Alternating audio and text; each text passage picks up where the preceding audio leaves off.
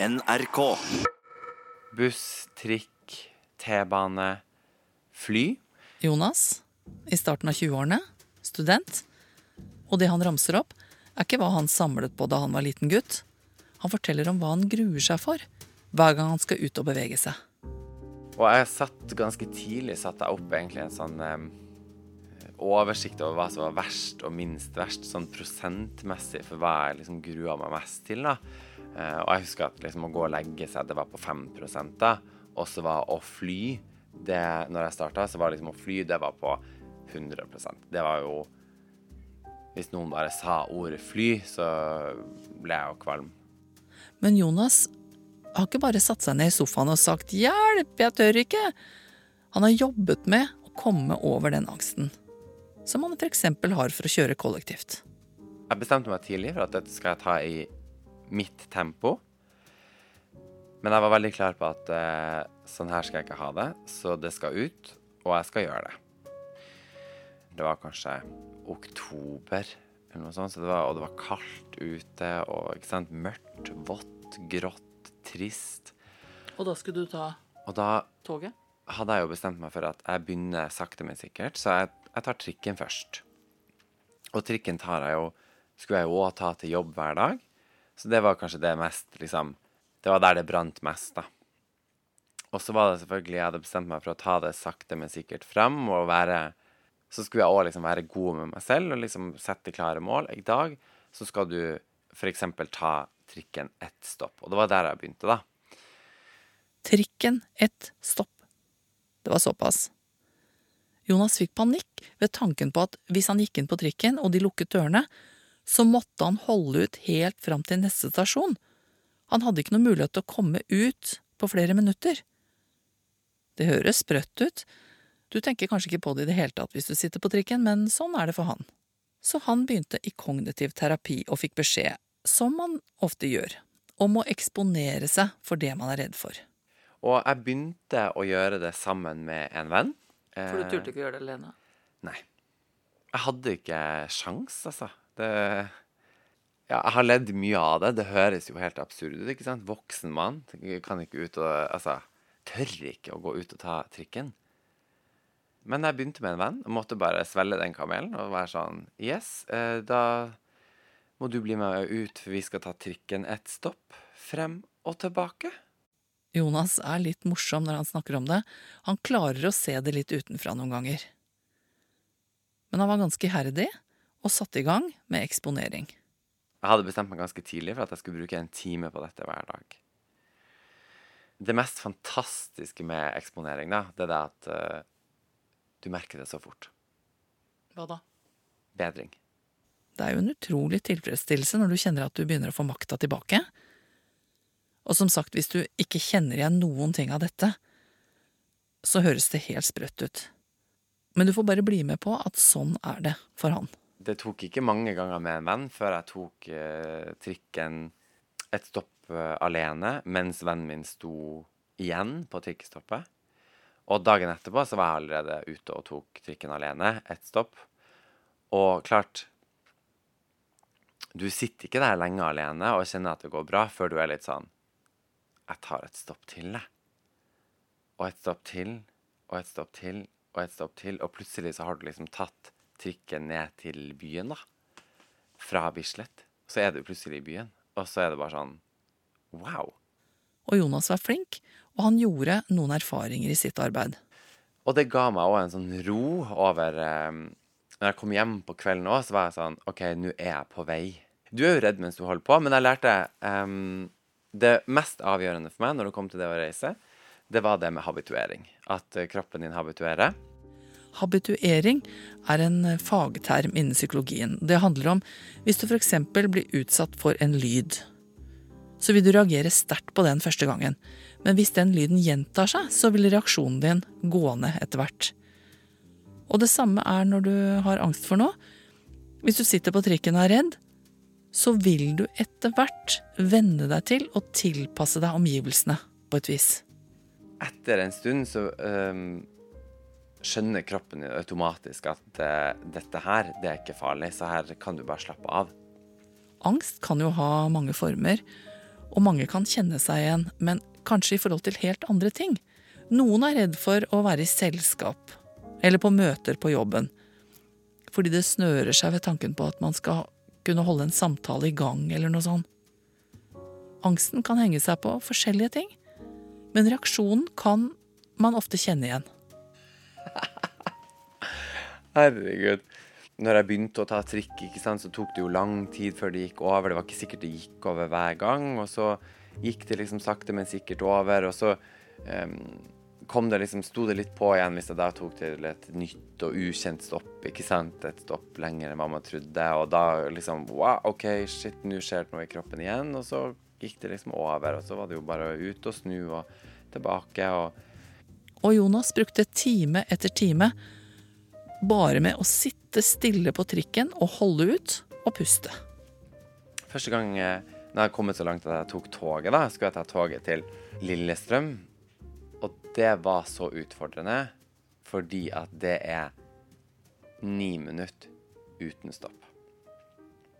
Og jeg var så stressa, og jeg var liksom og jeg gikk på Narvesen. ikke sant? Skulle ta toget i ni minutter. Kjøpte en smoothie, en stor flaske vann, en sjokolade, sukkertøy. Og så tenkte jeg at kanskje det var greit med litt mat i kroppen, så jeg spiste en pølse med brød først. Sto ute så lenge. Eh, gikk ned på perrongen. Var litt sånn Gud, litt for tidlig, kjente jeg. Gikk opp igjen, varma meg litt. Var litt sånn OK, neste toget tar jeg. Sekken full. og satte meg på det toget. og jeg kan nesten ikke beskrive hvor redd jeg er når jeg liksom går på toget, og hvor bevisst du er på at Nå er jeg så redd og så alene, og dette vil jeg bare ikke. Spesielt når de lukker døren, og da skjønner du bare at nå er det no way back. Det eneste jeg kan gjøre nå, dersom det skjer noe, det er å gå fram og tilbake i toget. Her må jeg bare av med jakken, for jeg ble jo så helsikes varm. ikke sant? Du svetter jo sånn for at du er så stressa. Av med capsen. Jeg er sikker på det rant svette på et tidspunkt. Satt meg fram, ikke sant? skikkelig brei bre med bena og liksom pusta og Jeg vet ikke. Og så etter hvert bare så Ja, habituerer kroppen. da, Så begynner man liksom å slappe mer av. Hvor jeg bare tenkte sånn Da får du liksom den lille pausen hvor du bare er sånn Gud, det her går bra, liksom. Det var ikke i dag heller jeg skulle dø, altså. Og kom til Lillestrøm og var så glad. Jeg vil jo kalle Jonas en superbevisst og motivert person. Han har jobbet masse med seg sjøl. Men så blir du altså bedre og bedre og bedre og bedre og takler ting mer og mer. Mm. Angsten blir krymper, krymper, krymper. Mm. Mm. Men så går det et års tid. Ja. Og jeg aner ikke hva det var. Um, tankene begynner å komme tilbake. De angsttankene begynner å komme tilbake. Kjenner at jeg er Syns jeg bare det ble liksom verre og verre, og så begynte jeg å bli litt sånn trist og begynte å bli litt redd og begynte å tenke litt mer på dette med trikk. Ja, er det egentlig trikken? og Altså hva som begynte først, og hva som kom etterpå, det vet jeg ikke, men alt sammen kom litt tilbake. Det var tilbake i hodet mitt på en sånn intens måte som jeg ikke hadde vært borti før. Da fikk jeg bare de bildene i hodet om at OK, skal jeg, skal jeg virkelig tilbake til der at jeg ikke tør å være alene, og ikke så vidt tør å gå ut døra, liksom? Sånn som du husker at det hadde vært? Ja. Sånn som jeg hadde opplevd det på kroppen og huske at det var Skal jeg tilbake dit igjen? Ja, da mm. Så da virka det ikke mer, det du hadde gjort? Alle de mestringsøvelsene og alt sammen? Ja, det var som sunket i jorda. Det var som at jeg ikke hadde vært uh, Jeg følte jeg tok trikken hver dag, og så slutta jeg ikke å grue meg til det. Jeg grua meg hver dag, og jeg grua meg til å gå ut, og jeg grua meg til trikken igjen, og jeg grua meg til å gå og være alene der, og grua meg til å gå fra Bislett til Solli plass hvis jeg måtte det. Og jeg grua meg til tilfelle at hvis jeg fikk en jobb eh, om 20 år som innebar at jeg var nødt til å fly til Sør-Amerika alene, så grua jeg meg skikkelig, skikkelig, skikkelig til det. Så det var på en måte som at det du hadde drevet med, det funka en stund, og så slutta virkningen å være der? Ja. Ja. Det, ja. det slutta jo ikke, for jeg klarte jo å ta T-banen. Men jeg grua meg så innmari til det at jeg hadde helst lyst til å la være. Og hvordan er det nå? Det er litt likt. Um, hva skal jeg si? Jeg bruker veldig mye energi på å grue meg, og vel så mye energi på å planlegge hvordan jeg skal gjøre det for å få det til på best mulig måte, om du skjønner. Jonas hadde fått vite at hvis han gjennomgikk eksponeringsterapi, så ville han komme ut på den andre siden til slutt. Da vil det gå over. Og jeg, stusser, jeg har stussa sånn over det, fordi eh, det er mye som er omdiskutert i psykologien, men når det kommer til eh, angst og depresjon, da, så, så er det bare en felles enighet om at eh, sånn her og sånn her skal det gjøres. Og så sitter jeg fortsatt og gruer meg til å ta T-banen. Jeg vet ikke, jeg har ikke lyst til å snakke om ferie, eh, og jeg klarer ikke på noen som helst måte å se for meg hvordan jeg skal klare å fly noen plass alene. Så du er tilbake i gjørma. Jeg vil si det. More or less.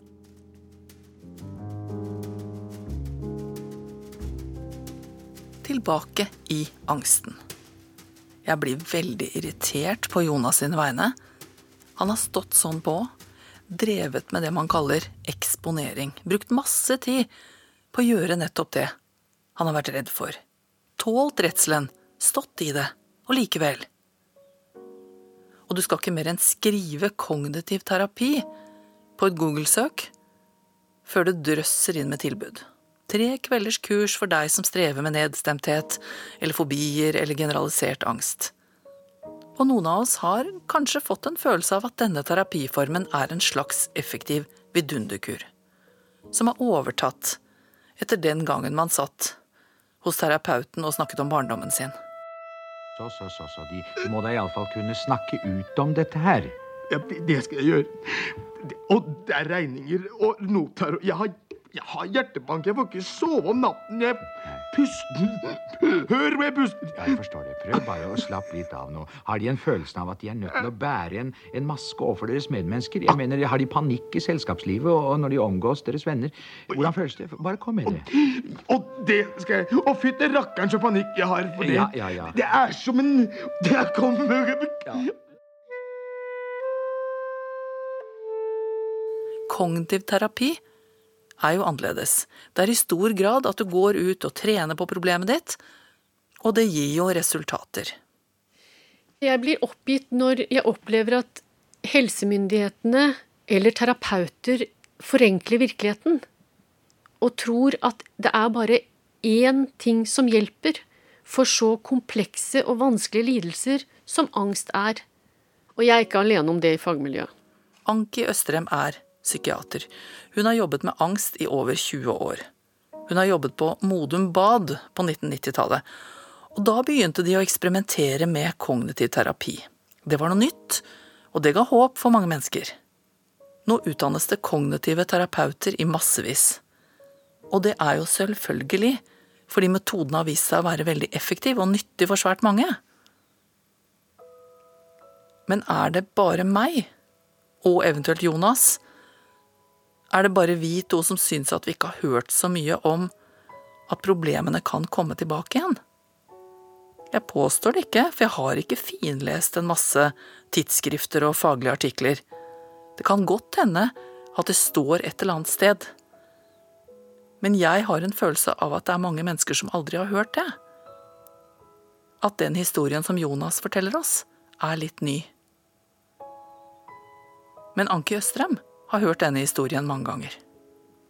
Mange er veldig skuffet, og de anklager seg selv for ikke å ha fått det bedre. Og kan bli nedslått og har, er usikker på om det i hele tatt er noe som kan hjelpe dem. Jonas har vært utrolig iherdig med å jobbe med seg sjøl. Han har vært veldig modig og utholdende. Jeg er imponert over det arbeidet han har lagt ned i jobbe med angstsymptomene som har vært så hemmende for ham. Én time hver kveld satt han av. Er Gikk det- ut og tok trikken. Det er det få som gjør. Og han er frustrert. Det forstår jeg. tør ikke å gå ut og ta trikken. Men jeg begynte med en venn og måtte bare svelge den kamelen og være sånn Yes, eh, da må du bli med ut, for vi skal ta trikken et stopp frem og tilbake. Det å ta trikken vil de aller fleste tenke det er rart å bli redd for å gå på trikken. De som har angst for det, mange av dem syns de er dumme og er flaue for det. Men jeg tenker at det er en grunn til at de er redd for å gå på trikken. Og det er den grunnen de skal prøve å, få tak i og bli kjent med, sånn at vi kan jobbe videre med det. Hva kan det være? Noen kan være redd for å gå på trikken fordi de er redd for at andre ser på dem. Altså At man sitter sånn og glor som man gjør på trikken, og da er det noen som kikker på deg? Ja, og at de forventer å bli kritisert eller latterliggjort der de er på trikken. Noen kan være redd for å kaste opp når de er på trikken, fordi de blir så redde og blir kvalme. Miste kontrollen, på en måte? Ja. Og gjøre noe øh, Eller, flaut? ja. Eller få panikk og gjøre noe flaut, ja. Svette, kanskje? Ja. Um, Og det er jo det med all angst. at Du kan jo aldri si til dem at du vil aldri komme til å kaste opp, øh, døren vil alltid komme til å gå opp, øh, det vil aldri bli pinlig. Altså Det er alltid en bitte liten mulighet for at noe gærent kan skje. og så er det vanskelig kanskje for personen å tenke at de vil kunne håndtere den situasjonen. Og trikken tar jeg jo, skulle jeg jo òg ta til jobb hver dag. Så det var kanskje det mest liksom, Det var der det brant mest, da. Og så var det selvfølgelig Jeg hadde bestemt meg for å ta det sakte, men sikkert fram. Og være Så skulle jeg òg liksom være god med meg selv og liksom sette klare mål. I dag så skal du f.eks. ta trikken ett stopp. Og det var der jeg begynte, da.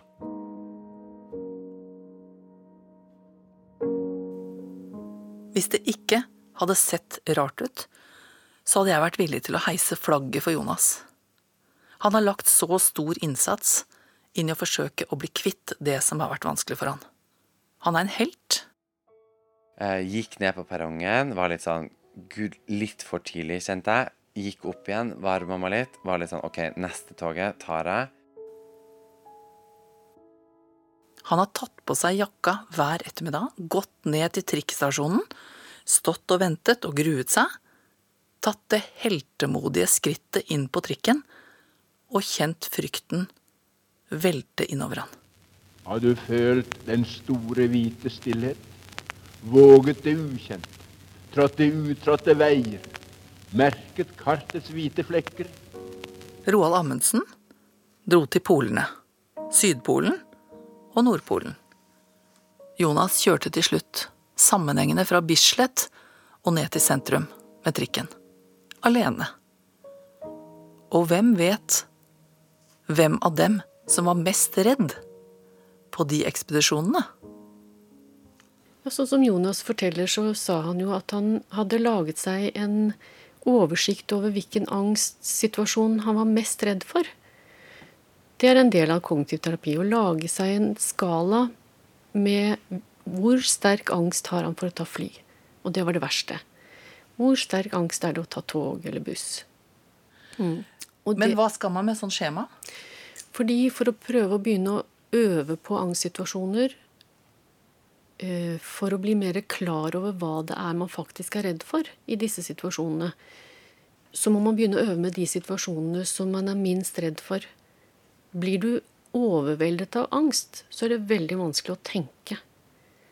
Og i det hele tatt observere annet enn følelsene du får, og ubehaget du får. Hvis du øver på de situasjonene hvor du har minst angst, så er det lettere å utsette deg for dem. Altså gå inn i situasjoner hvor du får angst, og det er lettere i forkant å kunne tenke om hva er det, kan det være som du nå er redd for, og mens du er i situasjonen, tenke over hva som skjer. Så du begynner nederst på lista, Begynner nederst på listen. ja, og så jobber du deg oppover. Og så sier du da hvor sannsynlig er det at sånn og sånn skjer. Betyr det at du prøver å i og med at det heter kognitiv terapi, at du prøver å koble inn huet, rett og slett? Tenk deg om, liksom. Bruk ja, huet. Ja. Når du blir overveldet av følelser, og etter hvert kan forstå hvilke tanker som dukker opp i disse situasjonene hvor du blir veldig redd, så vil det kunne være en hjelp å finne ut av hvor sannsynlig er det at det skjer. Da bruker du fornuften til å tenke. Og for noen er det god hjelp å tenke at det skjer jo veldig sjelden.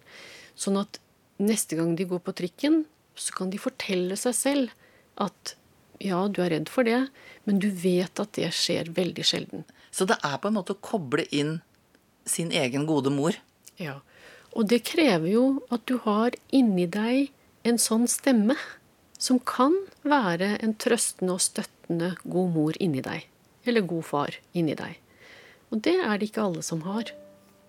Så i kognitiv terapi så er det rett og slett om å gjøre å la fornuften bli sterkere enn angsten? Det er en måte å si det på. Men så er det tilbake til det som faktisk er situasjonen. Jonas har ikke fått det sånn som han ønsker. Uten den kvelende angsten. På tross av kognitiv behandling. Og det er jo ikke bare Jonas. Men nesten alle blir anbefalt kognitiv terapi om dagen. Ja, kognitiv terapi har fått stor oppmerksomhet. Og det tror jeg har vært nyttig. Men det er blitt til eh, forkleinelse for andre terapiformer som mange pasienter trenger for å få det bedre. Kognitiv terapi blir fremhevet, jeg tror, både fordi det er en strukturert og kortvarig terapi. Så vi alle ønsker jo en terapiform som kan ta kort tid, og som hjelper fort. Og som sagt så gjør det det for mange. En terapiform som går fort, det bet jeg meg merke i. Vi mennesker vil jo gjerne finne den enkleste løsningen. Og hvis vi kan gjøre det billig og effektivt, så vil vi jo gjerne det.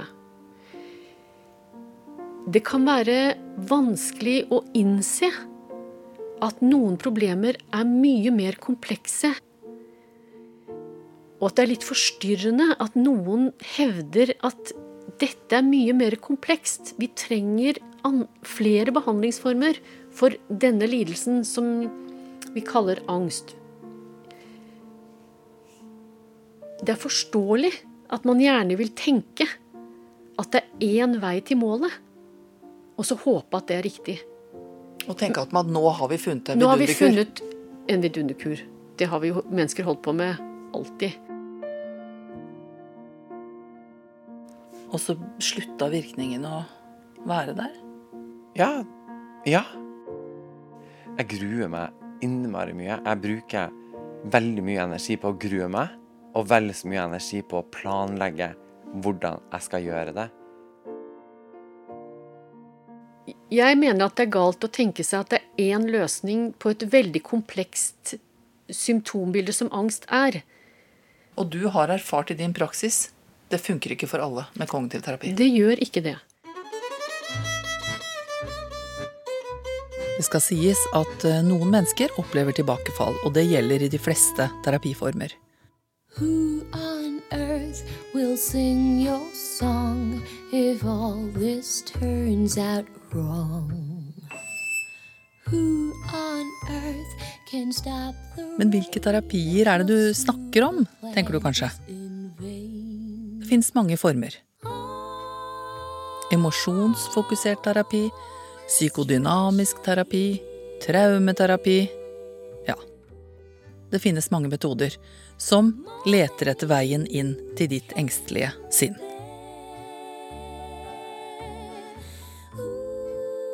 Og angst er så mye forskjellig. Du kan sette en gruppe med angstfolk i en ring, og så be dem å snakke sammen. Kanskje ikke de skjønner hverandre i det hele tatt?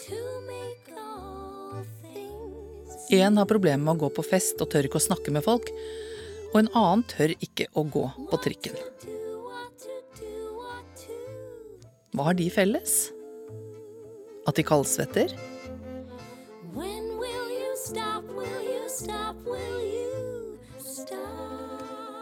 Og det er kanskje lurt neste gang du møter et menneske som sier 'jeg har angst', at du ikke da automatisk tror at du vet hva det er. Og at du kanskje heller ikke kan si 'jeg vet hva du skal gjøre for å bli kvitt det'. Forskjellige mennesker trenger forskjellige veier. Man kan kanskje si at uh, herr Virkelighet har minnet oss på det nå. Problemløsning har sjelden én enkel oppskrift. Who on earth will sing your song if all this turns out wrong. Kraft. Konsulent er Hege Dahl, og mitt navn er Kirsti Kraft. Og har du lyst til å skrive til oss, så er adressen kraft krøllalfa nrk.no.